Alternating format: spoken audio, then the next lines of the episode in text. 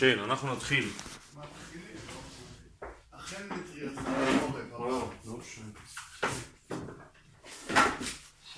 אנחנו היום ליל פורים בפרזים, ליל י"ד אדר תשע"ו, ממש, שזה יוצא לנו פעם ראשונה, כן.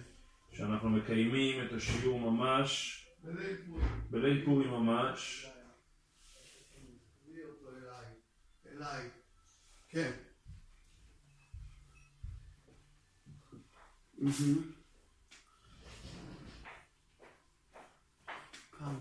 תודה.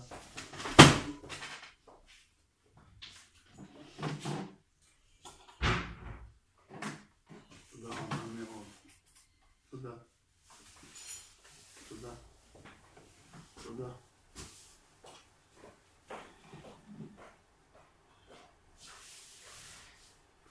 אין ספק שהעניין של, ה... של השמחת פורים מאוד מאוד מאוד מתייחד, שונה, חריג מאופייה של השמחה כפי שהיא באה לידי ביטוי בכל מועדי, מועדי ישראל לסוגיהם השונים. בכלל, אנחנו הרבה פחות מוצאים את העניין של מצוות שמחת הפורים, ויותר בדייקה מוצאים את העניין של מצוות המשתה של פורים. זאת אומרת, יש משהו בשמחה של פורים שעובר דרך, שעובר דרך הצרמוניה הזאת, החגיגה המסוימת הזאת של המשתה, והדרך לצאת ידי חובת השמחה באיזשהו מקום באופן בלתי נמנע עוברת דרך חגיגת המשתה.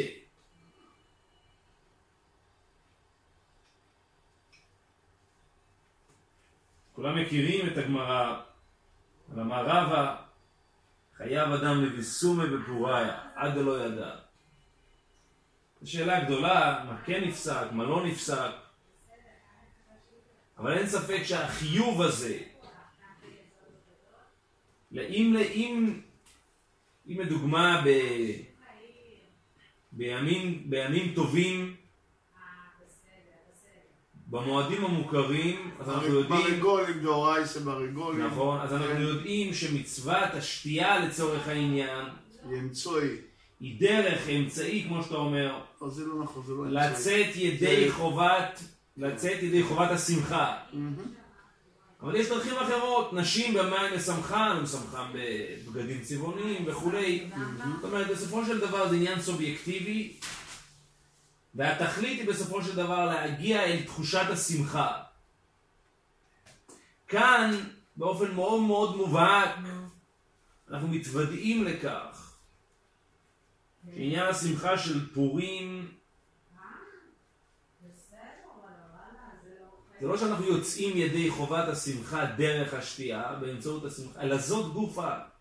היא גופה, היא הוא גופה המצווה. החיוב הוא בחגיגה הזאת של, ה, של המשתה.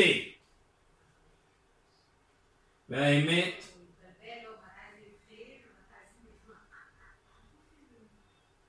שהאלמנט הזה, שהמוטיב הזה של המשתה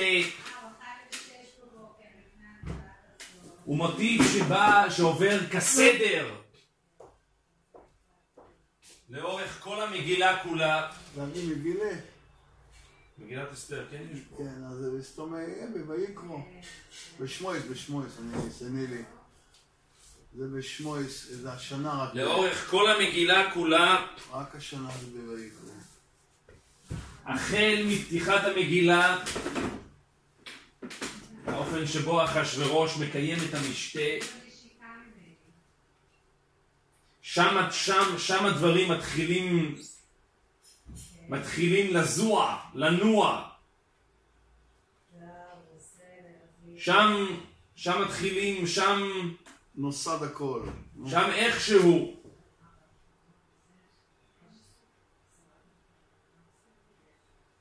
שם איכשהו יוצאים לדרך, נולדים, או לא בדיוק נולדים.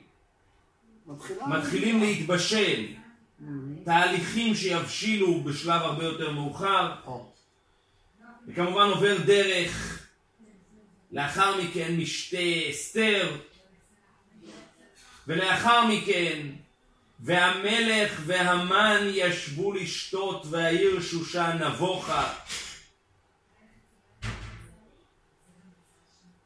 והמלך והמן ישבו לשתות. בקונסטלציה הזאת, במצב הזה, בסיטואציה שהגיעה לכלל נקודת השיא של הגזרה הייתה והמלך והמן ישבו לשתות. ואז כנגד זה אסתר מתחילה להבשיל אצלה את תוכנית הפעולה באמצעות המשתה. יבוא המלך והמן אל המשתה אשר אעשה להם מחר. המשתה הראשון, המשתה השני,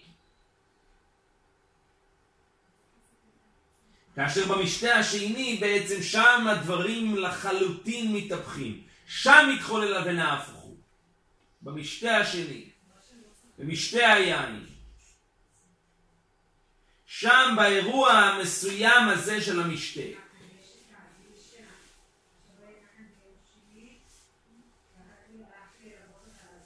דבר מאוד חריג, המוטיב החוזר הזה של המשתה. וכמובן שכל בר דעת מבין שיש קשר עמוק, קשר גורדי עמוק שעובר בין. המוטיב הזה של המשתה בסיפור המגילה החל מסיפור הגזרה ואופן התפתחותה והיווצרותה של הגזירה וכלה בסיפור הגאולה שכולם ללא יוצא מן הכלל עוברים באיזושהי צורה דרך סיפור המשתה.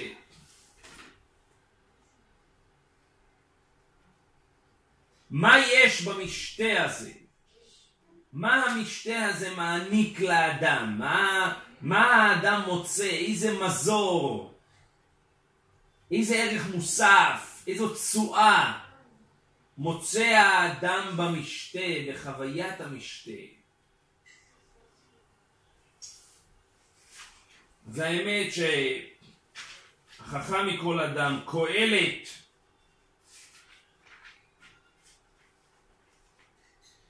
קהלת יוצא בעצם, קהלת מגולל בפנינו, כל ספר קהלת, כמעט לא יוצא מן הכלל.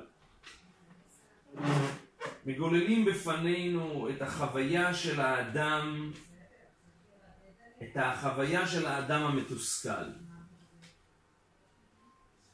או אני אנסח את זה בצורה אחרת, את החוויה הקיומית של האדם כחוויה של תסכול. מין איזשהו סוג של גזירה סזיפית שנגזרה על ראשו של האדם לחיות באופן בלתי נמנע, טרגי, הטרגדיה של התסכול. לחיות בתחושה הזאת של חוסר סיפוק, של חוסר היעדר שלווה. האדם לא מסוגל להיות מרוצה ממה שיש לו, ממי שהוא, ממה שהוא, ממה שהוא השיג עד, עד, עד הלום. גם בלי תקווה לעתיד, כי אין תכלית, כי אין תכלית. נכון, קהלת, או רגע, רגע, עוד אקח, עוד רגע, עוד רגע נתייחס לכך. קהלת פותח את ספרו, שללא ספק אפשר להכתיר את הספר הזה כספר ההיבול הגדול. הבל הבלים הכל הבל. מה יתרון לאדם בכל עמלו שיעמול תחת השמש? האדם לעולם נמצא במצב של עמל, של יגיעה, וכל מה שהוא לא ישיג, לכל מה שהוא לא יגיע זה לא יספיק לו. והנפש לא תמלא.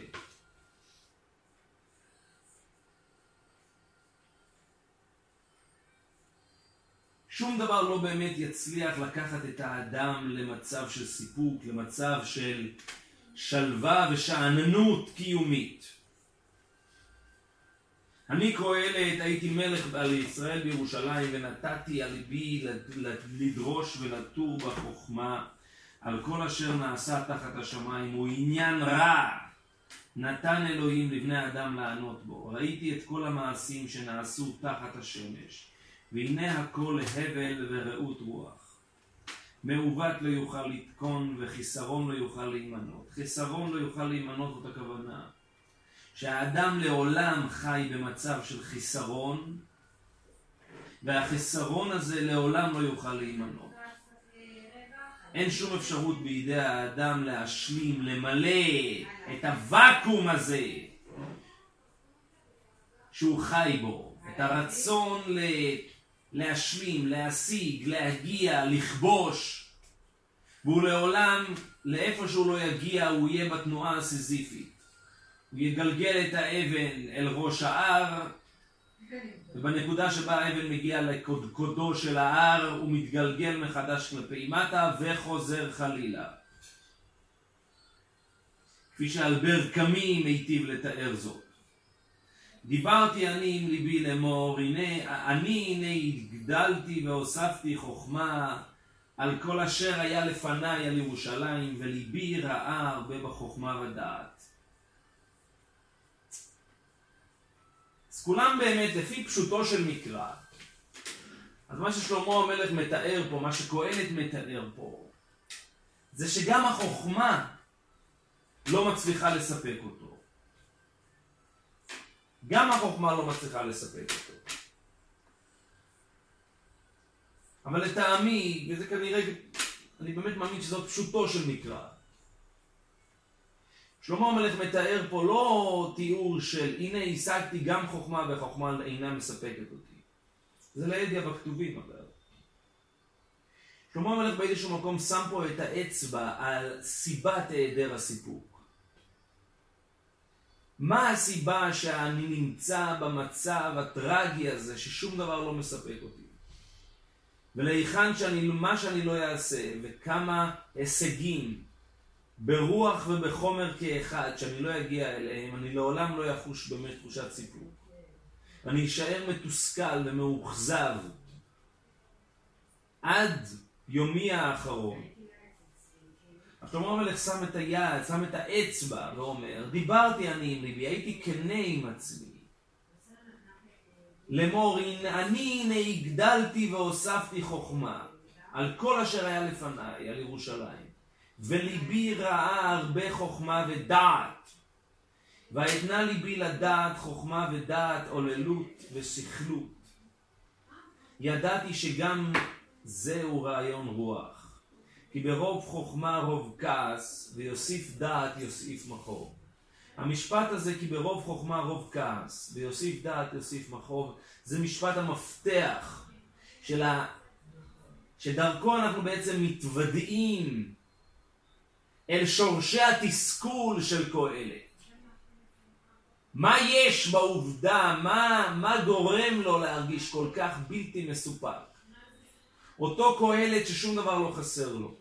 אותו קהלת שחי חיי תפנוקים. כל ימיו, ובוודאי ובוודאי מיום שהוא עלה לגדולה והפך למלך, שום דבר לא חסר לו, יש לו את ההישגיות, הוא נושא על, הוא נושא על גבו את ההישגיות האולטימטיבית. קשה לדמיין הישגיות יותר שלמה, יותר אידא, אידיאלית מההישגיות הזו להגיע אל המעמד הכל כך רם, ורם וגבוה.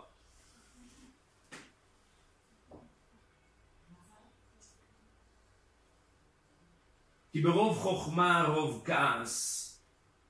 כעס אני הייתי מתרגם תסכול, זה לא כעס במובן של לכעוס. כעס זה במובן של תסכול. כי ברוב חוכמה רוב כעס, ויוסף דעת יוסף מכאוב. שלמה המלך בעצם מגלה לנו כמה שהוא תפוס, כמה שהוא לחוד. בגורל של הדעת. או במילים אחרות, הוא חי לעולם ברפלקסיה. שלמה המלך הוא האדם המגורש, הוא האדם המגורש. מצד אחד הוא חי חיי גן עדן, הוא חי חיים שאין מלאים, שאין דחוסים בעונג ובכל טוב שהאדם רק יכול לעלות בדעתו. אבל הוא תפוס עמוק בתוך עץ הדעת. לעולם הוא לא מצליח לה... להפוך להיות חלק בלתי נפרד מכל העונג הזה. להפוך את ההוויה שלו, להפוך את, ה... את מי ואת מה שהוא לחלק מכל הטוב הזה.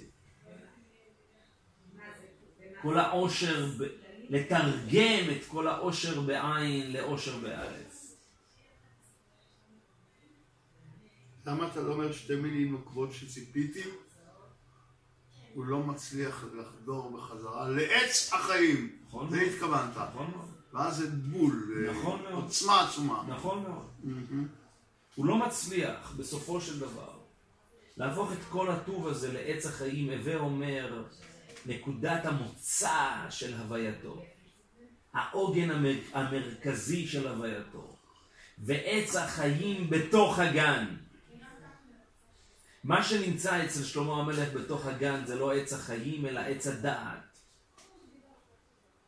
מה שגוזר עליו את ההתניה,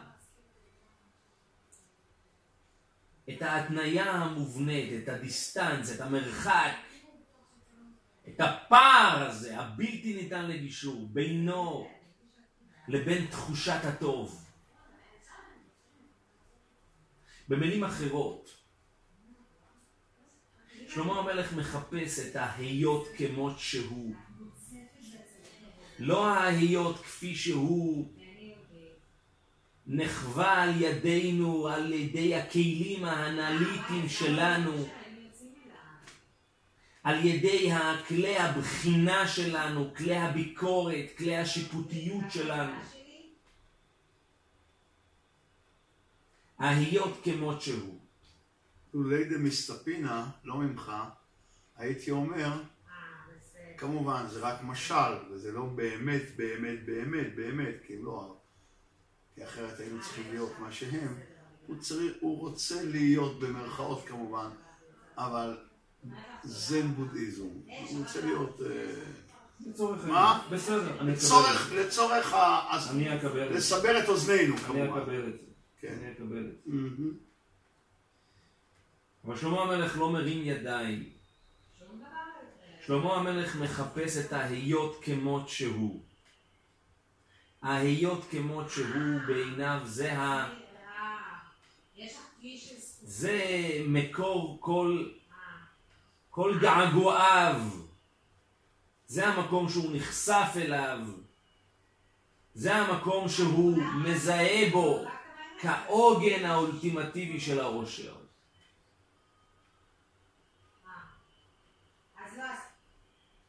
אבל הוא לחוד, הוא תפוס. הוא תפוס במה שנקרא ברוב חוכמה, רוב כעס, ויוסף דעת, יוסף מחרוב. ככל שהוא יודע יותר, הוא מותנה יותר, הוא רחוק יותר. הוא, גולו, הוא גולה יותר מן, ההיות כמות שהוא. וורט יפהפה, יפהפה. הוא יותר מעמיק את חטאו של אדם הראשון. נכון מאוד. במניע ובי של עצמו. נכון מאוד. כמובן. גוואלדי, גוואלדי, גוואלדי. ושלמה המלך לא מרים ידיים. ככל שיותר טוב, יותר רע. נכון מאוד. גוואלדי, גוואלדיק הקריאה הזאת. וקהלת לא מרים ידיים, הוא לא מתייאש. והוא עולה על משהו. משהו עולה על, מופיע לאלתר. הפסוק הזה של כי ברוב, כע, כי ברוב חוכמה רוב כעס ויוסף דעת יוסף מחור. זה פסוק י"ח של פרק א', הפסוק האחרון של פרק א'. אבל האלתר בפרק ב' פסוק א', שלמה המלך פותח ואומר, אמרתי אני בליבי, היכנה אנסך בשמחה וראה בטוב, אבל והנה גם הוא הבל. אבל הוא חוזר. לשחוק אמרתי מעולל ולשמחה מה זו עושה. אבל לא הרמתי ידיים, אני עוד רגע אחזור לכך. תרתי בליבי למשוח ביין את בשרי. אבל, אבל, אומר שלמה המלך, וליבי נוהג בחוכמה ולאחוז בסכלות עד אשר ארד. איזה טוב לבני האדם אשר יעשו תחת השמיים מספר ימי חייהם. תרתי בליבי למשוח ביין את בשרי.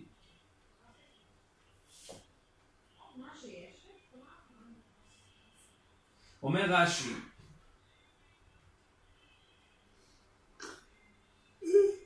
אני קורא את דברי רש"י, תרתי את ליבי, תרתי בליבי, חזרתי לתור בליבי להחזיק בכולן במשתה, בחוכמה ובסכלות, ולמשוך ולעדן במשתה היין את בשרי, כל סעודת עונג קרויה, אומר רש"י, על שם היין.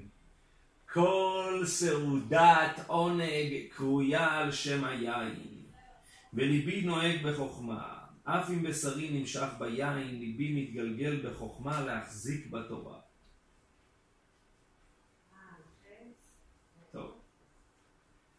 איפה אומר?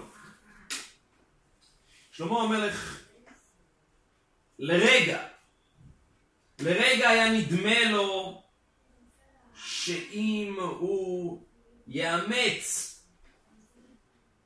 את אורח החיים הניאליסטי הזה, ההדוניזם האולטימטיבי, את חיי הדיונסוס הזו, חיים של שבו האדם מצליח להתחבר אל ההיות באופן בלתי אמצעי, בלתי מבוקר.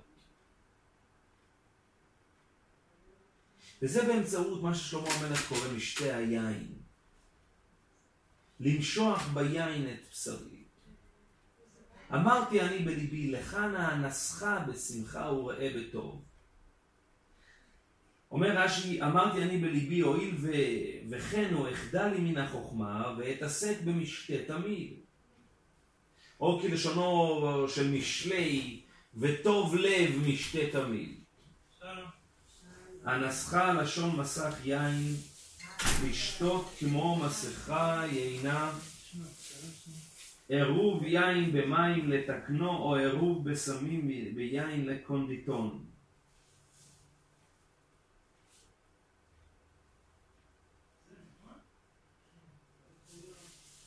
מה ששלמה המלך בעצם מנסה לעשות כביכול, כן? זה לברוח. אבל הוא לא באמת מצליח לברוח.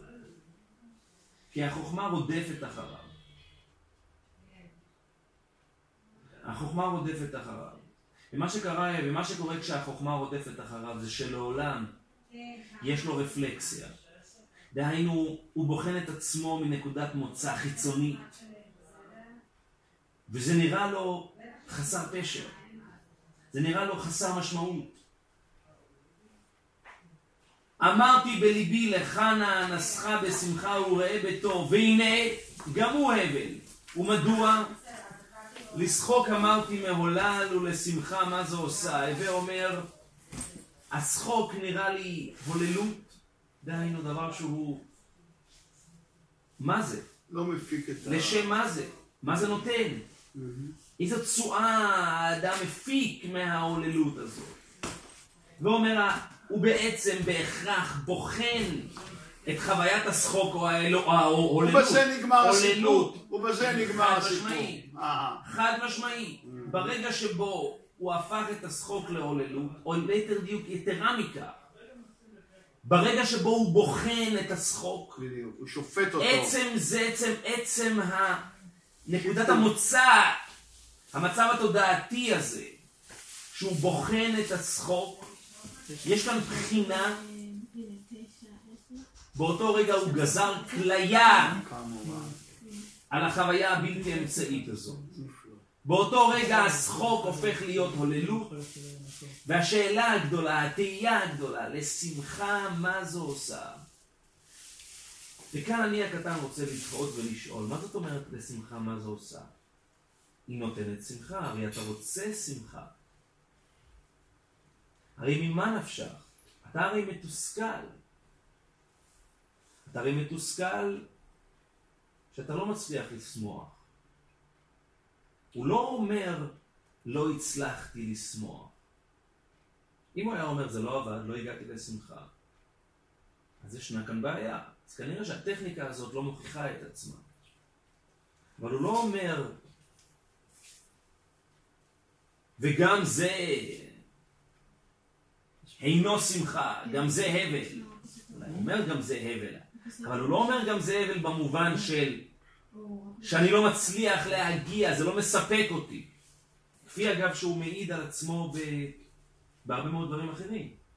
כן? הוא ממשיך הלאה ואומר למשל, הגדלתי מעשיי, בניתי לי בתים, נתתי לי כרמים, עשיתי לי גנות ופרדסים, ונתתי בהם עץ כל פרי. עשיתי לי בריכות מים, לעשות מהם יער צומח, עצים, קניתי עבדים, שפחות, בני בית, וכולי וכולי וכולי. כנסתי לי גם כסף וזהב וסגולת מלכים, וגדלתי והוספתי עוד ועוד ועוד ועוד ועוד ועוד. ואז הוא מסיים, ופניתי אני בכל מעשיי שעשו ידיי ובעמל שעמלתי לעשות, והנה הכל הבל ורעות רוח ואין יתרון תחת השמש. אני ממשיך ואומר, פניתי אני לראות חוכמה והוללות ושכלות, כי מי האדם שיבוא אחרי המלך אשר כבר עשר.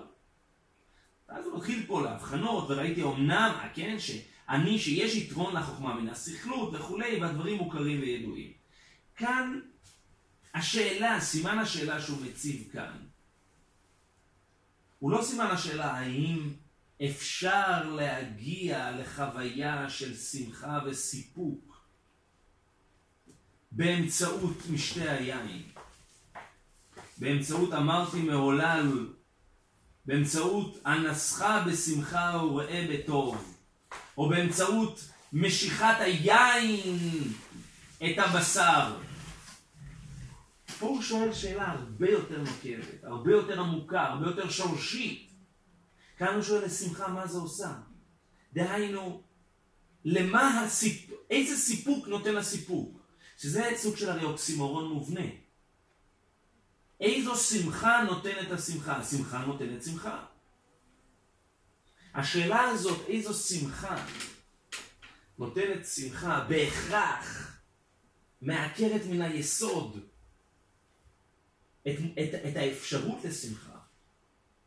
בעצם כאן בעצם נמצאת התמצית, הטרגדיה של קהלת. מחילה. תמצית, רק דקה, דקה, דקה. כן. תמצית הטרגדיה של קהלת נמצאת בנקודה שבה... הוא שופט ביקורת על המושג שלך. שבה... ההיות לא מסוגל להיות כמות שהוא. כשהוא שואל לשמחה מה זו עושה, הוא בהכרח אומר שלעולם הוא יישאר מחוץ לגבולותיה של השמחה. השמחה לא באמת מסוגלת לשאוב אותו. היא לא באמת מסוגלת להפוך אותו לחלק בלתי נפרד מהחוויה ההרמונית הזו של השמחה והסיפוק. כי אם הוא היה חווה את זה, הוא לא היה שואל לשמחה מה זה עושה. זו פרשנות נפלאה, ויש לי הערה עליה. כן? כן. זאת אומרת, הסתייגות מה? הגמוריה המאוד מאוד מפורסמת, ביקשו לגנוז, זה בשבס ל' באלף מקומות, אז הגמורה שמה שואלת שהוא סותר את עצמו. מצד אחד הוא אומר בלשמחה מה זו עושה, ומצד שני בשבח אני, הגמור מכריעה שבעצם כשהוא שופט את השמחה, יש באמת שמחה שבה אין לו סיפוק טוטאלי במנהוג, אבל אולי אחרי שהגמורה מכריעה, שהיא אומרת שמחה של תורה, שם אולי כן הגמרא אומרת שיש התאחדות מושלמת. אני שומע, לא, אני שומע. יש משהו בדבריי. אני שומע, אתה מצטט גמרא. מה? אתה מצטט גמרא? כן. אוקיי, טוב, mm-hmm. אולי, אולי, אולי, אולי... צריך לראות עוד איך לעשות את זה גם קנה אחד. אולי עוד נתייחס לזה, בכל מקרה. Mm-hmm. בכל מקרה. מה שאני רוצה לומר,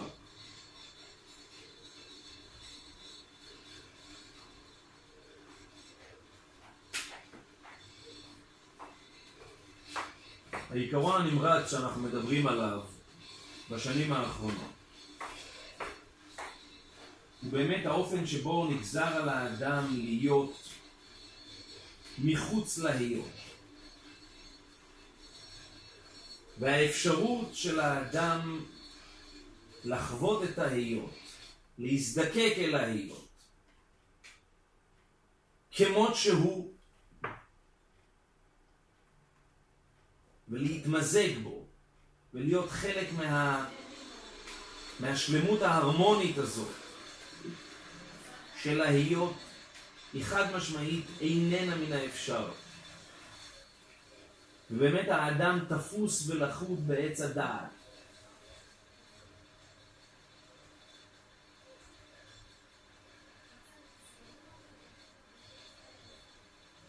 הדרך היחידה שאנחנו מדברים עליה, שאיכשהו מאפשרת לאדם לגעת מחדש, להזדקק מחדש, אל, ה, אל חוויית ההיות הפרה-גירושית שהוא חווה.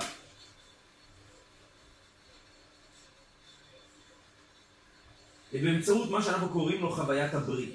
ומהותה של חוויית הברית, כפי שאנחנו מדברים ומרחיבים על רבות. מהותה של חוויית הברית היא האופן שבו האדם מתכוונן מעבר לעצמו. האדם נפגש בחוויית המפגש. והאדם לעולם נגזר עליו להיות נחשף ומשתוקק אל המפגש. אם המפגש בסוד, מפגש הקרובים, המפגש האוניברסלי, ואם המפגש בזעיר אנפין, בסוד המפגש של והאדם ידע את, את חווה אשתו. אבל לא אז המשמעות כהמשך למה שדיברנו בשבוע שעבר, שהאדם איננו מסוגל להיות נמצא, הוא מסוגל להיות נוכח. זאת אומרת, הוא מסוגל להיות נמצא, אבל בחוויית ההימצאות שלו אין שום פשר כמות שהוא. אך ורק בחוויית הנוכחות שלו. והאדם הופך להיות נוכח באמצעות ההתראות הבלתי אמצעית. באמצעות המפגש פנים אל פנים. והאדם לעולם נמצא במצב שהוא מתכוונן אל. הוא לעולם הולך אל קדם.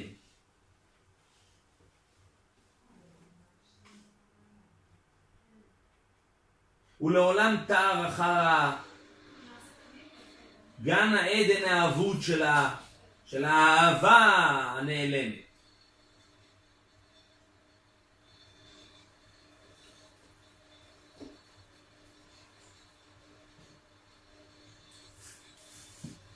העם היהודי יוצא ממצרים.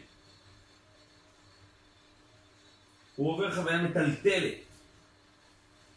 הוא, בכל מציאות סביבתו, עוברת חוויה מטלטלת, עצומה. כל יציאת מצרים היא כולה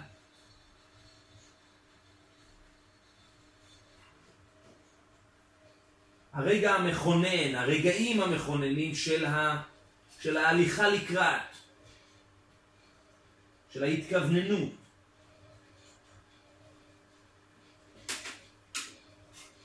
המצב הזה שהאדם נמצא במצב שבו הוא בהכרח מנותק ממה שנקרא ההיות כמות שהוא, זה מצב שמה שנקרא בדרך. כשאדם נמצא בדרך הוא לעולם נמצא מאחה לאטם. אין בדרך שום שום תכלית כמות שהיא, כשלעצמה. היא לעולם אינסטרומנט של התכלית. היא לעולם לא מיועדת ל... להגיע אל, להגיע ולהשיג.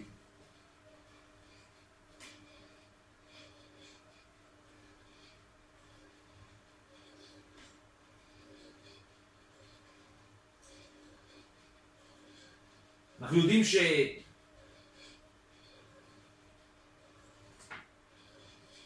חז"ל הפכו, התורה בעצם, וספרתם לכם, התורה הפכה את המרחב הזה, מרחב הזמן הזה, שבין יציאת מצרים לבין מתן תורה, למרחב זמן שכולו אומר התכווננות, שכולו אומר דרך.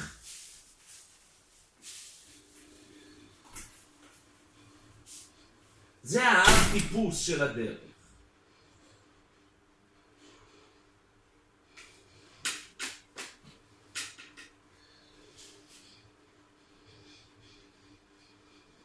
בנקודת הזמן הזאת, שם בדיוק נכנס עמלק.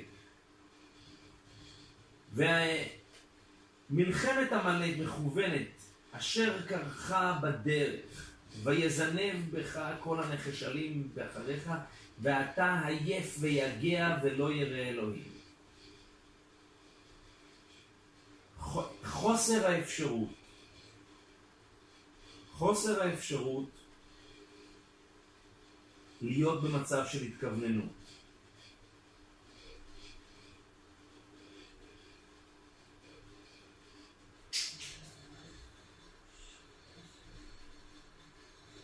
היעדר ההתכווננות, עייף ויגע ולא ירא אלוהים. שם נכנס עמלק. השאננות של ה... שבו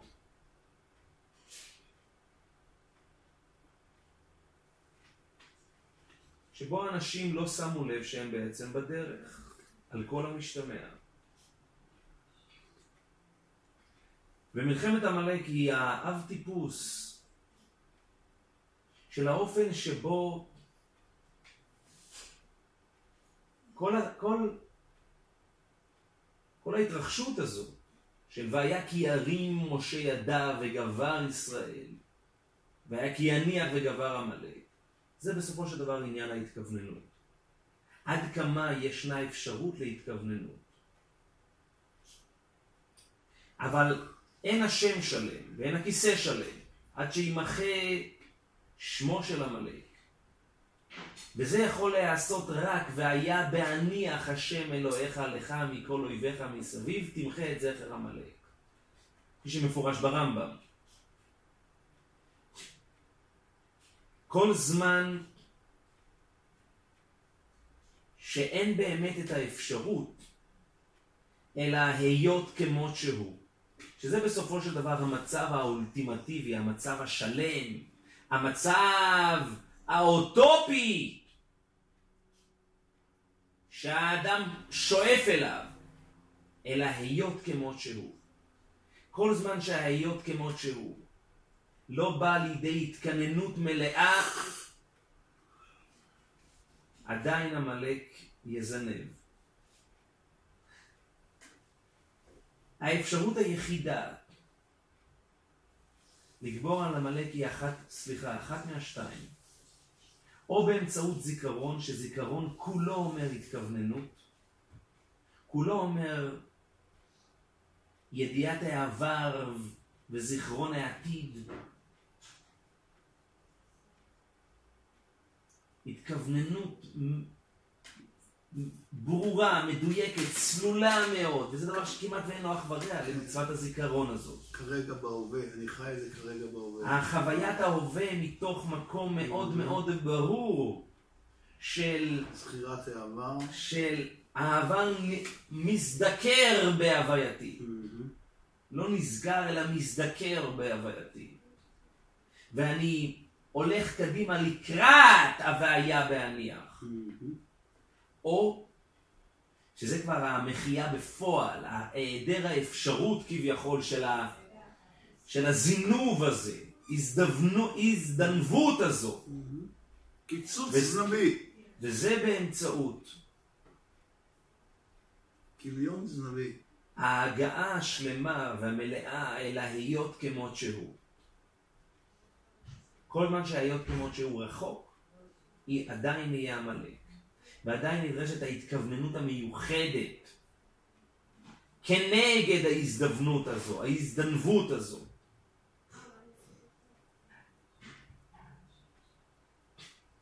מעמד הר סיני כולו. המשפט הידוע בהגדה של פסח, אילו הביאנו לפני הר סיני ולא נתן לנו את התורה דיינו. זאת הכוונה הר סיני כולו אומר התכווננות. כולו אומר הנכחה לעומת הגילוי.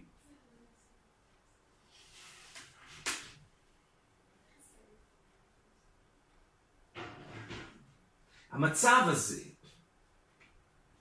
של, ה, של העמידה לעומת זה מצב שמבחינה מבחינה פילוסופית זה בלתי אפשרי שהוא יעשה מרצון. זה בלתי אפשרי שהוא יעשה מרצון. כי כל המהות של העמידה, אם, אם זה נעשה מרצון אז זאת עוד חוויה.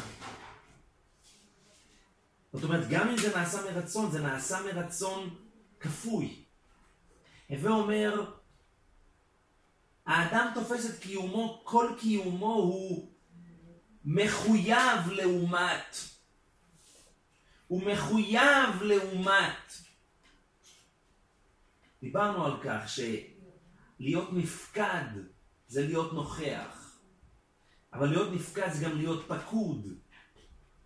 להיות פקוד, אלה פקודי המשכן, וביום פוקדי ופקדתי.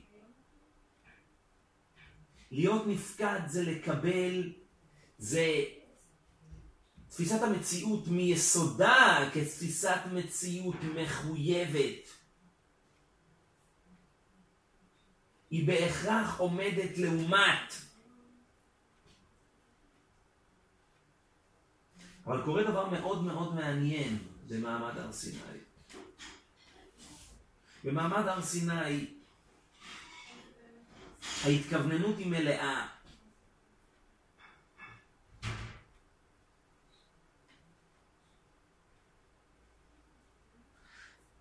אבל עם נתינת, עם נתינת הלוחות,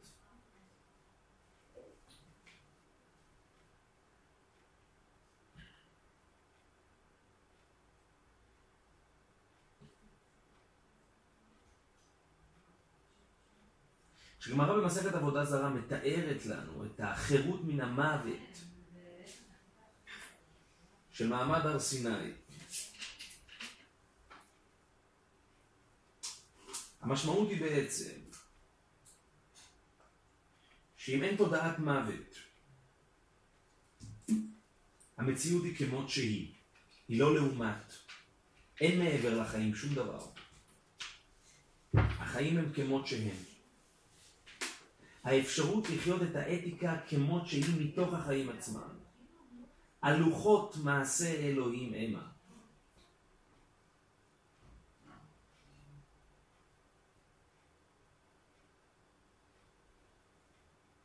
האתיקה הזאת שהם מקבלים במעמד הר סיני היא חלק מובנה מהווייתם.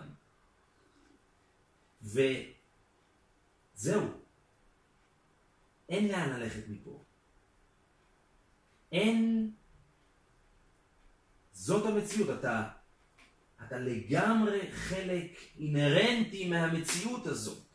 או לחילופין, הגילוי הזה הוא לחלוטין חלק אינהרנטי מההוויה שלך.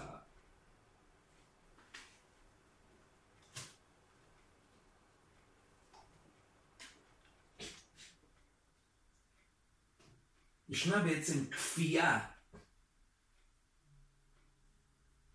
מה זו כפיית הר כגיגית? אומרים פעם נמלה שכופים עליה גיגית. הגיגית הופכת להיות חלל ההוויה שלה. זהו. זה חלל ההוויה שלה. ודיברנו על כך בהזדמנויות אחרות גם, שכל המהות, כל הסיפור של וההר השם כולו, זה בעצם המונותאיזם המוחלט.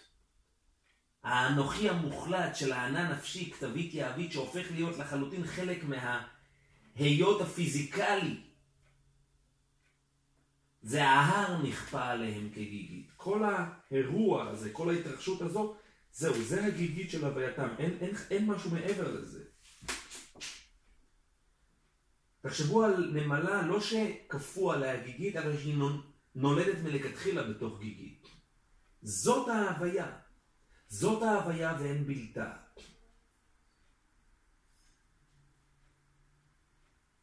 אבל מה שקורה בחטא העגל, ושפתאום הם... הרי אם זאת ההוויה ואין בלתה, נוכחותו של משה היא איננה כל כך קריטית.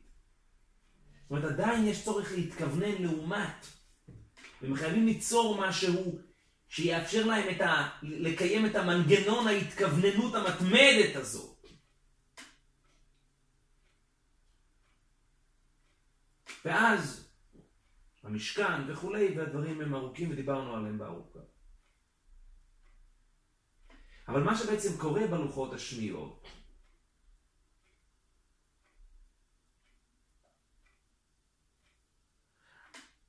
הנכשלתם בנעשה היזהרו בנשמע. האופן שבו הלוחות השניות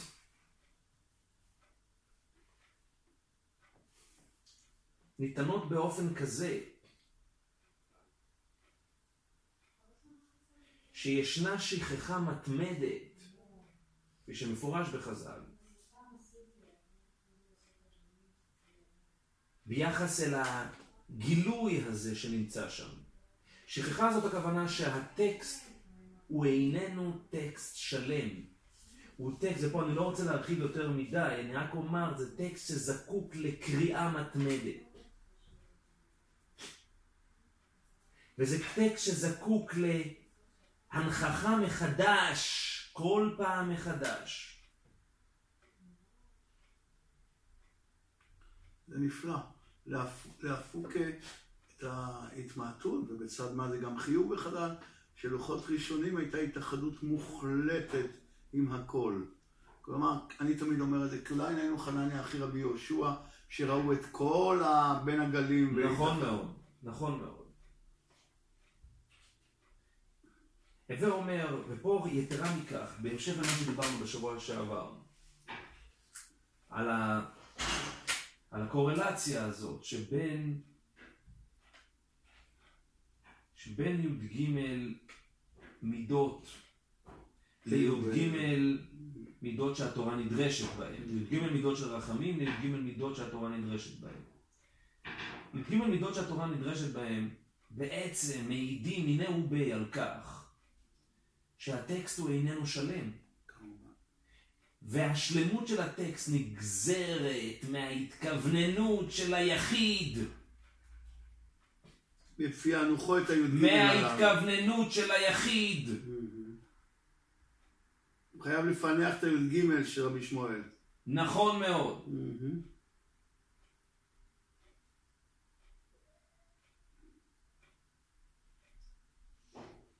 אנחנו יודעים שפטירתו של משה רבינו, הסיומת למעשה של התורה, ולכל היח... היד החזקה, לכל המורה הגדול, שעשה משה לעיני כל ישראל. אז מה זה לעיני כל ישראל? שברת הלוחות, כמובן. אומר רש"י לאלתר, שבירת הלוחות, יישר כוח ששיברת. זו בעצם הסיומת של התורה. התורה מסתיימת בשבירת הלוחות, וזה דבר עצום ונפלא. יבוא אומר, שבירת הלוחות היא בעצם, או מעידה על כך, שאומנם תורה שבכתב מסתיימת בש... ב... בלעיני כל ישראל, אבל עיני כל ישראל נתונות בתורה, והם אלה שהופכות את התורה לטקסט שהוא איננו נגמר, שהוא אינסופי. זה השבח הגדול של משה. שהוא מאפשר לתורה שלא להסתיים לעולם, ולכן התורה אומרת את זה בדייקה בסיומת התורה. אני אומר פה דבר נפלא, אני לא יודע אם אתה שומע מה שאני אומר. היא אומרת את זה בדייקה בסיומת התורה, כי בעצם דרך שבירת הלוחות, אנחנו למדים שאין סיום לתורה. בוודאי, כי ההמשך אחרי זה באדום בראשית דברת. כמובן. לדידוך, אסור להגיד את זה, בראשית ברא משה את התורה שבעל פה, כמובן. יתרה מכך, חז"ל גם אומרים שביום פטירתו של משה נשתכחו שלושת אלפים הלכות. שלוש מאות או שלושת אלפים כן, של כן. הלכות, והתחדשו לאחר מכן בתקופות מאוחרות. עתניאל בן קנז והפלפול. נכון מאוד. שזה נתן לו משה. נכון מאוד, נכון מאוד. ועתניאל בן קנז זה כמובן המהות של מה שנקרא תורה שבעל פה. כמובן. וזה בעצם, התובענות הזאת להתכווננות מופיעה דווקא ב... היעלמותו של משה. עכשיו כל בר דעת מבין שזה הרי בדיוק מה שהעם היהודי היה חרד מפניו רגע לפני מעשה העגל, כשמשה רבינו מת. אז התשובה שהם מצאו הייתה בדמותו של העגל. התשובה להיעדרותו של משה. אבל לאחר מכן, הסובלימציה אל התשובה הזאת זו התשובה האחרת, האלטרנטיבית. וזאת הלוחות במתכונתן החדשה. המן הרשע שמפיל פול ונופל לו על חודש אדר והוא אומר חלש, זה משה המת. והוא אומר זה החודש שמת בו משה. החודש שמת בו משה. זה החודש שבעצם העם היהודי הוא אבוד. הוא אבוד. כי זה בדיוק הייתה החוויה של רגע לפני חטא העגל. תחושת אובדן מוחלטת.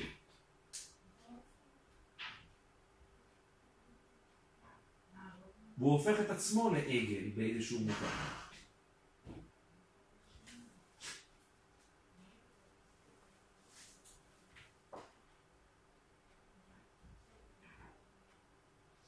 התורה שבכתב, רגע לפני שאנחנו עוברים, חוזרים ועוברים לדבר על ה... על היום הטוב הדידן, על חג הפורים. התורה שבכתב היא תורה שכולה כולה טובעת התכווננות. היא כולה טובעת את ההתמסרותו של היחיד. להפוך את התורה הזאת ל, ל, מ, מ, לתורה חיה, נושמת ובועטת.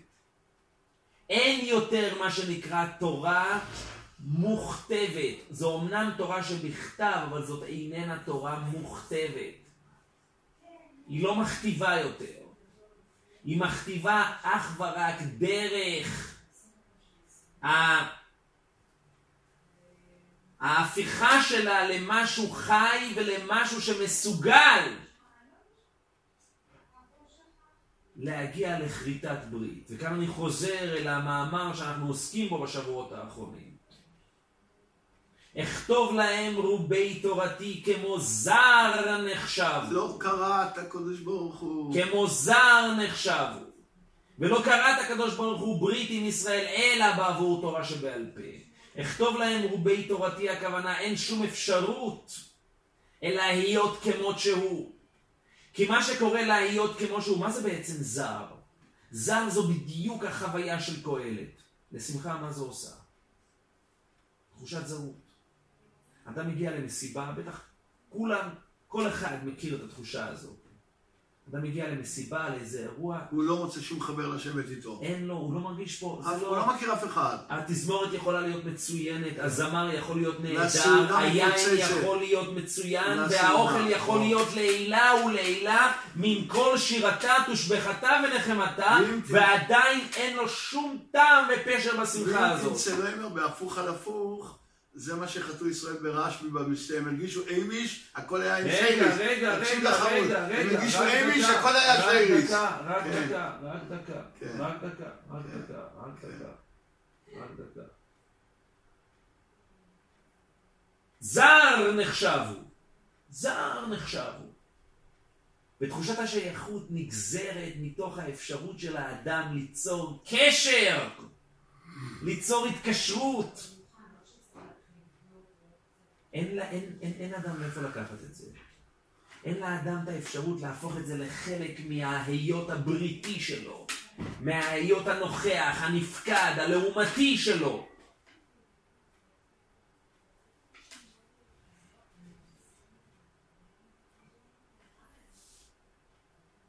לכן בהכרח האפשרות של להפוך את התורה לחלק מן ההיות, הווה אומר לגאול את האדם מן הזרות, מן תחושת הזרות והבדידות המובנית הזאת, היא אך ורק דרך ההצטרפות האישית, החיה, הנושמת, הפעילה שלו על גבי הטקסט.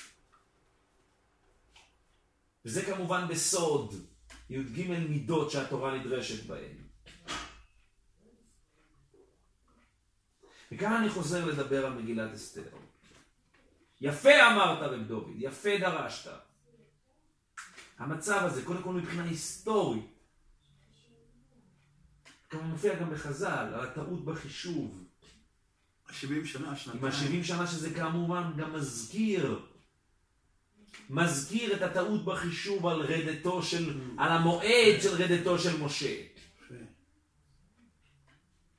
המצב של העם היהודי הוא מצב של, של בדרך.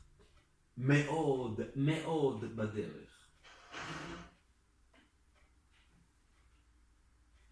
אם אנחנו לרגע רוצים לקפוץ כמה מאות שנים לאחר מכן, בגלות השנייה, הגלות, הגלות שאנחנו נמצאים עדיין לצערנו בגלות הזו, או כלשון חז"ל, עקתי עבדי דאחשבי ראשנן. אז בגלות האחרת, בגלות בבל האחרת, השנייה,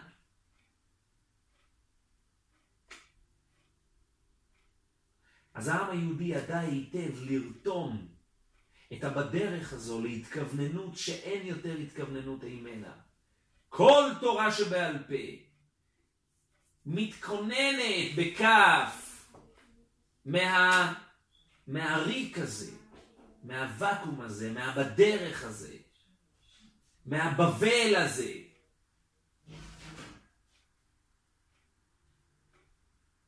מהבמחשכים הושיבני, מחוסר האפשרות להיות, להפוך את החושך הזה לאור גדול של ברית, לאור גדול של תלמודה של בבל. אבל זה דבר שלא היה, שלא היה תקף, שלא היה נכון. בגלות הקצרה בהרבה כמובן. בגלות הראשונה של בית ראשון. חוסר האפשרות, אין כיוון, אין כיוון. והעם היהודי מתחיל לשקוע אל תוך היות כמות שהוא, שאין יותר חסר כיוון אימנו. הוא פתאום לא מרגיש כמו זר נחשב הוא. אוי ואבוי אם הוא לא מרגיש כמו זר נחשב. והוא שוקע במה שנקרא משתה היין. כי בדיוק זה טבעו של משתה היין. היין, משתה היין, חוויית משתה היין, משכחת מהאדם את האתמול, את המחר, לא את האתמול והמחר, את הרגע לפני ואת הרגע אחרי. את המימינו ואת המשמאלו.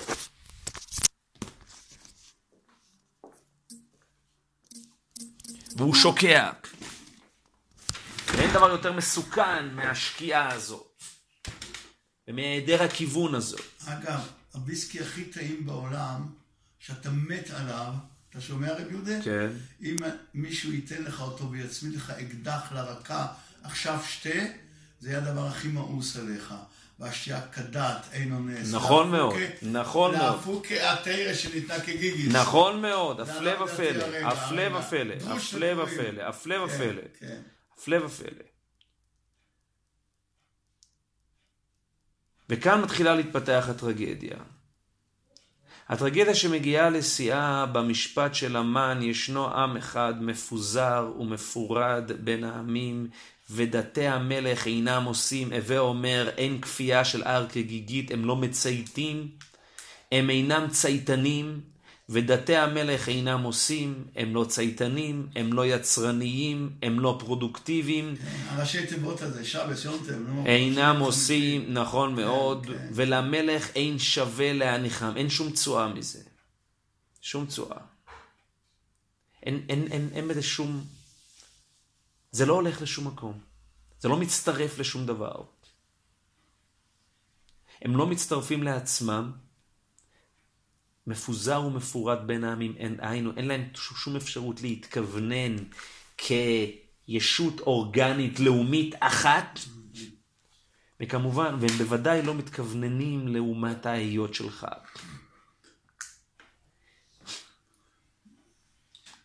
אבל רגע לפני שהוא עושה את זה, הוא שם את עצמו לאלוה. והוא מצפה שכולם יתכווננו לעומתו. שהוא יהיה המרכז. והיהודים אין להם בעיה לכרוע ולהשתחוות. הם מקבלים את זה כמות שהוא. הם מקבלים את זה כמות שהוא. זה ההיות כמות שהוא. עד כדי מימד פטישיסטי ממש, אלילי. אבל יש רק איש אחד שהיה בשושן הבירה, ושמו מרדכי בן יאיר בן שמעי בן קיש, איש ימיני, אשר הגלה מן הגולה, עם יחוניה מלך יהודה, אשר הגלה נבוכדנצר מלך בבל. היחיד שמצליח לשמור על ההתכווננות גם במקום הזה של אשר הגלה עם הגולה, עם יחוניה מלך יהודה, אשר הגלה נבוכדנצר מלך בבל. זה האיש יהודי יהודי אגב, אפילו שהוא משבט בנימין, הוא יהודי. לא הבנתי, מה זה אפילו? זה כמובן הגמרא, זה כל דברים של הגמרא. הוא נקרא יהודי שהוא איננו מודה בעבודה זרה. כמדומני זה אפילו דברי רש"י על אתר.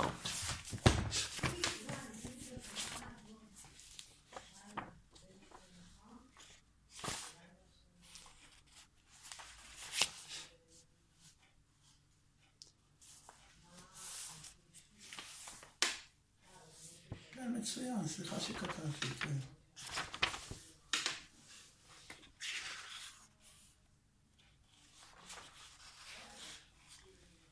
והוא ממשיך להתכוונן כל ימיו. אומר רש"י, איש יהודי על שגלה עם גלות יהודה, עם כל אותם שגלו עם מלכי יהודה, היו קרואים יסודיים, יהודים בין הגויים, אפילו משבט אחר. אוקיי, טוב. כן. בכל מקרה. הוא ממשיך להתקבל. אה, אוקיי, ורבותינו דרשו מבנימין, היה ככה פשוטו, ורבנו דרשו, דרשו מה שדרשו. אוקיי. בכל מקרה. הוא ממשיך להתכוון. בכל מקרה. בדיוק. היחיד, היחיד, היחיד, היחיד שהוא כולו אומר התכווננות והוא כולו אומר צלילות. הוא כולו אומר צלילות. עכשיו, אבל מה שעכשיו חשוב אבל לומר, חשוב מאוד לומר,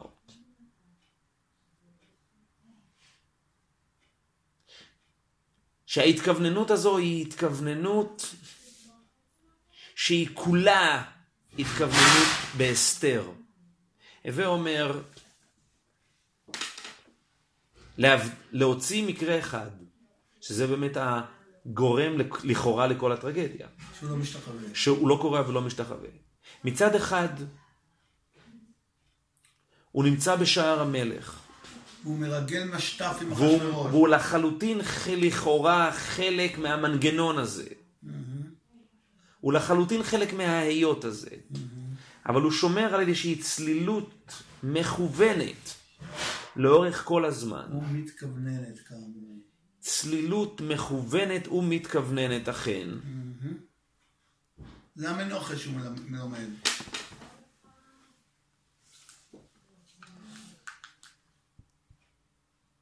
ובעצם מה שקורה, קורה דבר שהוא אבסורדי לחלוטין.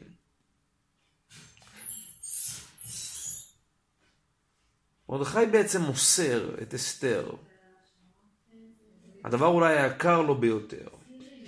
הוא מוסר אותה אל הליבה של ההיות,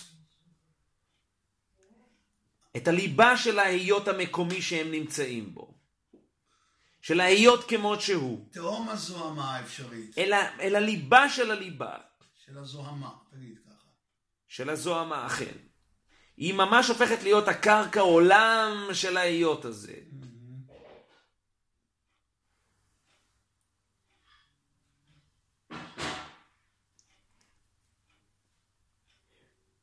יש כאן היבעלות, היבלעות מוחלטת. זאת אומרת, מרדכי לחלוטין הולך לגמרי עם הזרם הזה, עם התנועה הזאת, עם הכיוון הזו, עם המגמה הזאת. להוציא מקרה אחד, ומרדכי לא יקרא ולא ישתחווה. אין שום אפשרות לבטל את עצמו. נקודת השיא אגב, של ההתכווננות של האדם, כנגד הלא יכרע ולא ישתחווה. פעם אחת בשנה יש את המצב שנקרא לכרוע ולהשתחוות, וזה ביום הכיפורים. זאת ההשתחוויה. זה הסמל של ההתכווננות של על חטא שחטאנו לפניך. זה הקריאה והשתחוויה. פעם אחת האדם היהודי קורע, פעם אחת בשנה. השתחוויה מוחלטת, פישוט ידיים ורגליים. אבל הוא מרדכי לא יכרע ולא ישתחווה. וזה מביא את המן לבוא ולהגיד לאחשוורוש, תראה, יש פה היעדר כיוון. כי הגידו לו את עם מרדכי, כי הוא מפחד שיש כאן משהו שעשוי להיות איום. הגידו לו את ה... ויבז בעיניו לשלוח יד במרדכי לבדו. יש כאן משהו שמערער לחלוטין את הקונספציה הזאת בדבר היעדר הכיוון. צריך לחסל את הדבר הזה. לחסל את הדבר הזה. אבל מרדכי, מרדכי ידע את כל אשר נעשה. הוא שומר על צלילות, הוא ידע את כל אשר נעשה. ואז, ויבוא עד לפני שער המלך, כי אין לבוא לפני שער המלך בלבוש שק. כן לבוא אל שער המלך בלבוש שק. ובעצם מה שהוא עושה, הוא עושה פה את הדבר הכי הכי אנטיתזה, או במילים פשוטות, או במילים אחרות, הכי הפכי שיכול להיות. ההיפוך המוחלט. הוא לוקח את המציאות שהיא לכאורה הכי נעדרת כיוון, הכי ההיות כמות שהוא, הכי קרקע עולם, הכי סבילה, והופך אותה לדבר, לכוח המוביל, לחוד החנית של הצלילות ושל ההתכווננות. ובעצם מה שהוא בא ואומר לה, ומה שהוא אומר לאסתר, לאחר שהיא מתנה בפניו, על כך שהיא לא באה אל המלך זה שלושים יום, וכל מי שיודע שמי שבא אל המלך לחצר הפנימית אשר לא ייקרא אחד דתו אל, אחד, אחד דתו אל, אחד דתו להמית. אז מה שהוא אומר לה,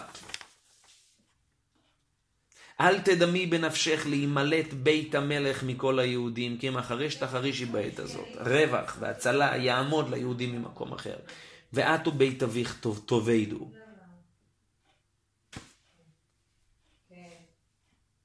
הווה אומר,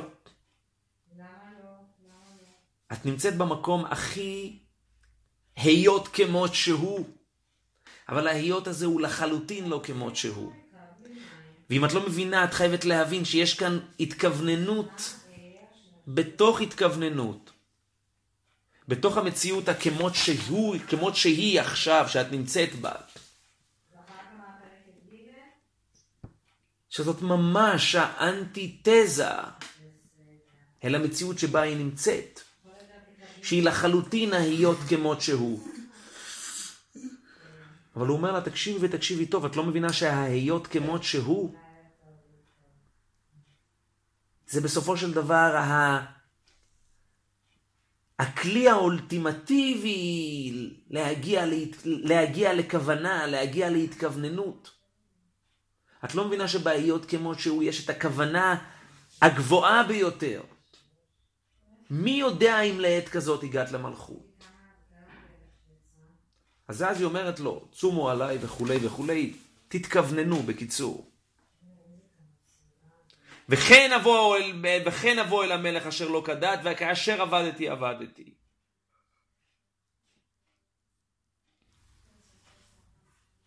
וכאן באמת יש נכונות, מה שנקרא לה, בספרות החסידית למסירות נפש. מכיוון שזאת ההתכווננות המוחלטת. אין לאדם שום היות עצמי. שום היות עצמי. כאן זה השיא, נקודת השיא של ההתכווננות בתוך האסתר הסתיר הזה.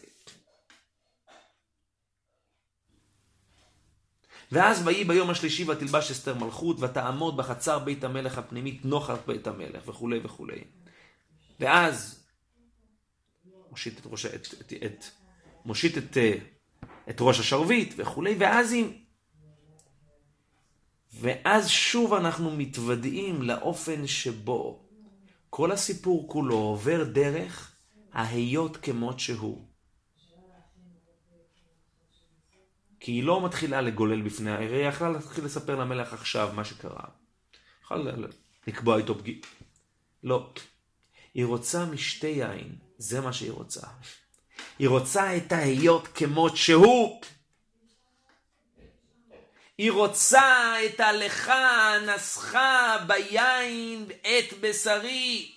תרתי בליבי למשוך ביין את בשרי. הנסחה בשמחה וראה בטוב. היא רוצה משתה היין. זה מה שהיא רוצה. היא רוצה את ההיות כמות שהוא. אין דרך לברוח מההיות כמות שהוא.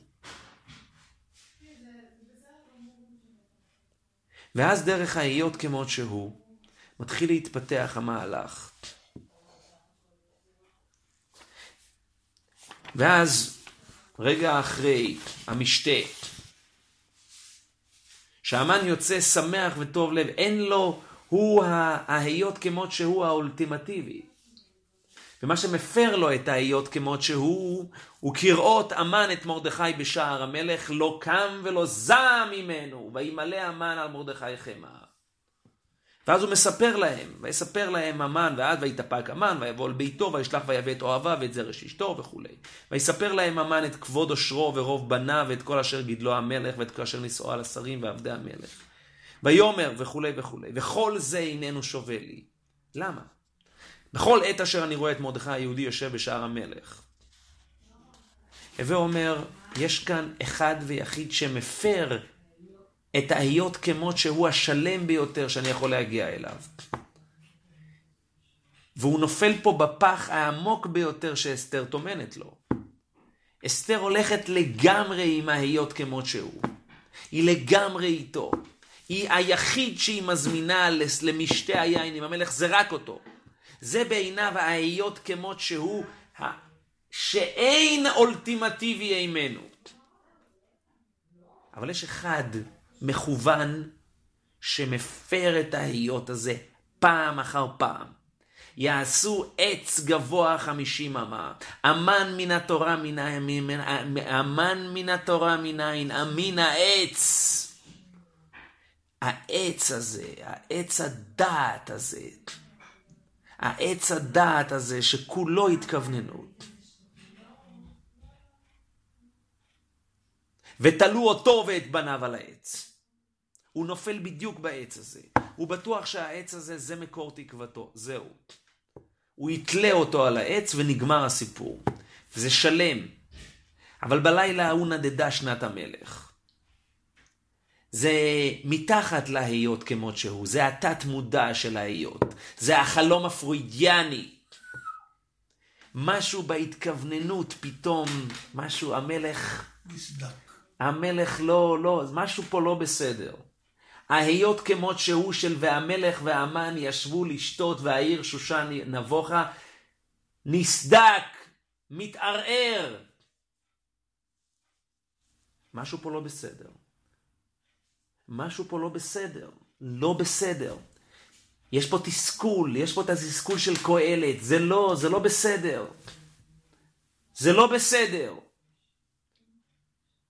ואז ויבקש להביא את ספר הזיכרונות.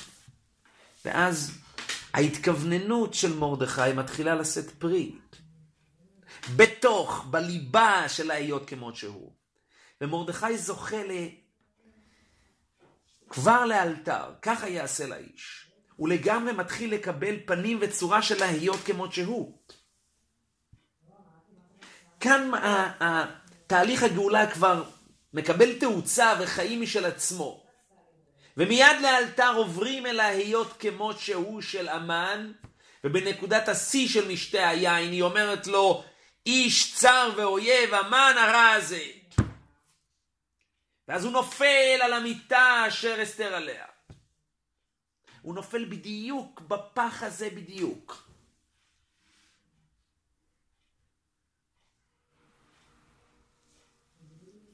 הלשון של, של הברכה שאנחנו מברכים בסיום קריאת המגילה. פור המן נהפך לפורנו. זה הלשון. יש פה... טוב, לא, לא רואה פה את הברכות. או.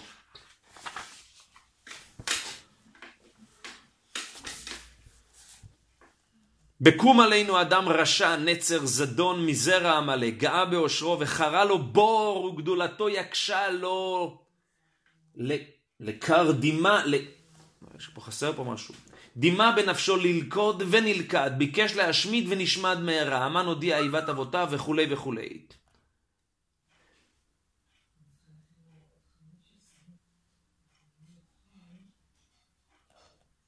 עמד באושרו ונפעל ברשעו, עשה לו עץ ונתלה עליו. פיהם פתחו כל יושבי תבל, כי פור המן נהפך לפורנו. פה אני רוצה להגיד מילה אחת על, על סוד עניין הפור. הפור הוא דבר שהוא לחלוטין שייך למה שנקרא ההיות כמות שהוא. ההיות כמות שהוא יכול להיות בשני פנים, או דרך מקרה, או דרך גורל. זה ההיות כמות שהוא. המקרה זה ההיות, אבל המקרה, ההבדל בין פור לבין גורל, שלמקרה אין כוונה. אשר קרחה בדרך, אין כוונה למקרה. אבל פור הוא כל כולו כוונה, זה הכוונה האולטימטיבית. זה הכוונה התכליתית, זה הכוונה הקוסמית. אז ההיות כמות שהוא יכול להופיע או כמקרה, ואז הוא באופן של אין שום כוונה מאחוריו. אין שום תכלית מאחוריו. או לחילופין הוא מופיע כגורל, ואו אז זה אכן ההיות כמות שהוא. זהו, זה כך צריך להיות. זה המציאות הדטרמיניסטית השלמה. אבל או אז, זאת הכוונה האולטימטיבית. זאת הכוונה שאין יותר כוונה ממנה. ואני אזדרז כי אני רוצה כבר להתחיל ולסיים. המן נופל בדיוק בבעיות כמות שהוא, בדיוק במשתה היין. והשיא, השיא של, של הגאולה זה של וייתן אחשורוש לאסתר את בית המן. מה זה מה? נתן את הווילה, את הקוטג', את הבריכה הצמודה, את מה? את הדופלקס. את ההיות כמות שהוא. יש פה לחלוטין את ההיות כמות שהוא. וזה כמובן שובר שיא נוסף בהכרזה הגדולה שכולנו מכריזים, ומרדכי יצא מלפני המלך בלבוש מלכות תכלת וחור וכולי וכולי. שוב, התיאור הכמעט ביזארי הזה של כל המקסמי ה... מקסמי הטקסטיל שמרדכי עוטה עליו. הביטוי של ההיות כמות שהוא. ההיות כמות שהוא. אנחנו צריכים להבין, ההיות כמות שהוא, הכוונה, מה שנראה זה מה ש... מה שנראה זה מה שיש, כי מה שנראה זאת הכוונה האולטימטיבית. משתה היין, הסוד של משתה היין זה חייב איניש לביסומי ופוריו עד דלא ידע. כל זמן שאנחנו עדיין דפוסים במה שנקרא סיבה ומסובב. רגע, למה אני בעצם שמח? אה, אני שמח כי אח שלי התחתן. אז זה מתיישב. אריאלה התקשרה אליי. כי אריאלה התקשרה, כי הבן שלי התחתן. אם אנחנו נראה לנו שאנחנו יכולים להיות שמחים עם סיבה, בא שלמה המלך ואומר, אמרתי אני בליבי לך נסך בשמחה וראה בטוב, והנה גם הוא הבל. לשחוק אמרתי מהולל, ולשמחה מה זו עושה? אין הסיבה והמסובב. המהלך הלוגי, התבוני, הקוגנטיבי של אני עושה כך, ולכן קרה כך, ולכן כך, בגלל שברוך מרדכי וארור המן, לכן אני שמח, שמחה כזו לעולם לא תוכל לגאול אותנו ממה שנקרא אמרתי, לשחוק אמרתי מעולל ולשמחה מה זו עושה. לעולם לא נוכל להיות בהיות כמות שהוא. ההיות כמו שהוא לא מתכוונן לשום דבר. זה לא לפני השם של יום הכיפורים, זה ההיות כמות שהוא. ההיות כמות שהוא, מה שנראה, אין שום פנים. אין פנים. הפנים הם כל כולם אומרים התכווננות. הם כל כולם אומרים לעומת. הם כל כולם אומרים לפני השם. זה הסוד של הפנים. זה הסוד של ההתכווננות המכוונת של תורה שבעל פה. זה מה שנקרא לגלות פניו בתורה שלא כהלכה. מגלה פנים בתורה שלא כהלכה. האדם מגלה את פניו בתורה שבעל פה. ואם הוא מגלה פניו שלא, שלא כהלכה, אז אוי ואבוי. שאנחנו חקוקים. נכון מאוד. נכון מאוד. אבל ביום, ביום, בחג הפורים אין שום פנים. יש רק את ההיות כמות שהוא. יש רק משתי היין. יש רק משתי היין. אין שום שמחה. לפני כמה דקות אמרת שני מהלכים של ההיות. המקריות והגורליות. נכון מאוד. תאחד אותם עכשיו. נכון מאוד. נכון מאוד. נכון מאוד, כי המקריות הופכת לגורליות והגורליות הופכת למקריות, כי ההיות הוא כמות שהוא. כמות שהוא. בצורה הזאת, במתכונת הזאת. זה ההתכווננות הגדולה. זה הסוד של הדר קיבלוה בימי אחשורוש. הם קיבלו מהאהבה כי הם קיבלו אותה לא מתוך מקום של התכווננות, אלא מתוך כך, כך. וזה אבן ההפוך הוא הגדול. זה ההיפוך חד, וזה הסוד של הלוחות שניות, נכון מאוד. זה המודעה רבה לאורייתא. אבל ההיפוך הגדול, האפשרות להיות מכוונים דרך ההיות כמות שהוא. האפשרות להשיג את הכוונה האולטימטיבית דרך משתה היין, פעמיים משתה היין.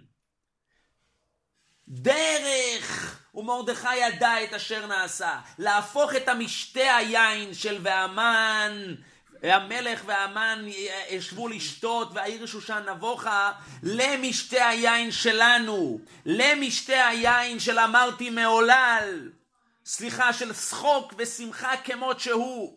לעד אלו ידע. לא הפור של המן שלנו, כמו שהקראת מהסוף שלנו. זה הפור של המן נהפך לפורנו. אז שיהיה לנו חג שמח והיות כמות שהוא עד בלי די, עד אלו ידע. אפרה לכם פורים.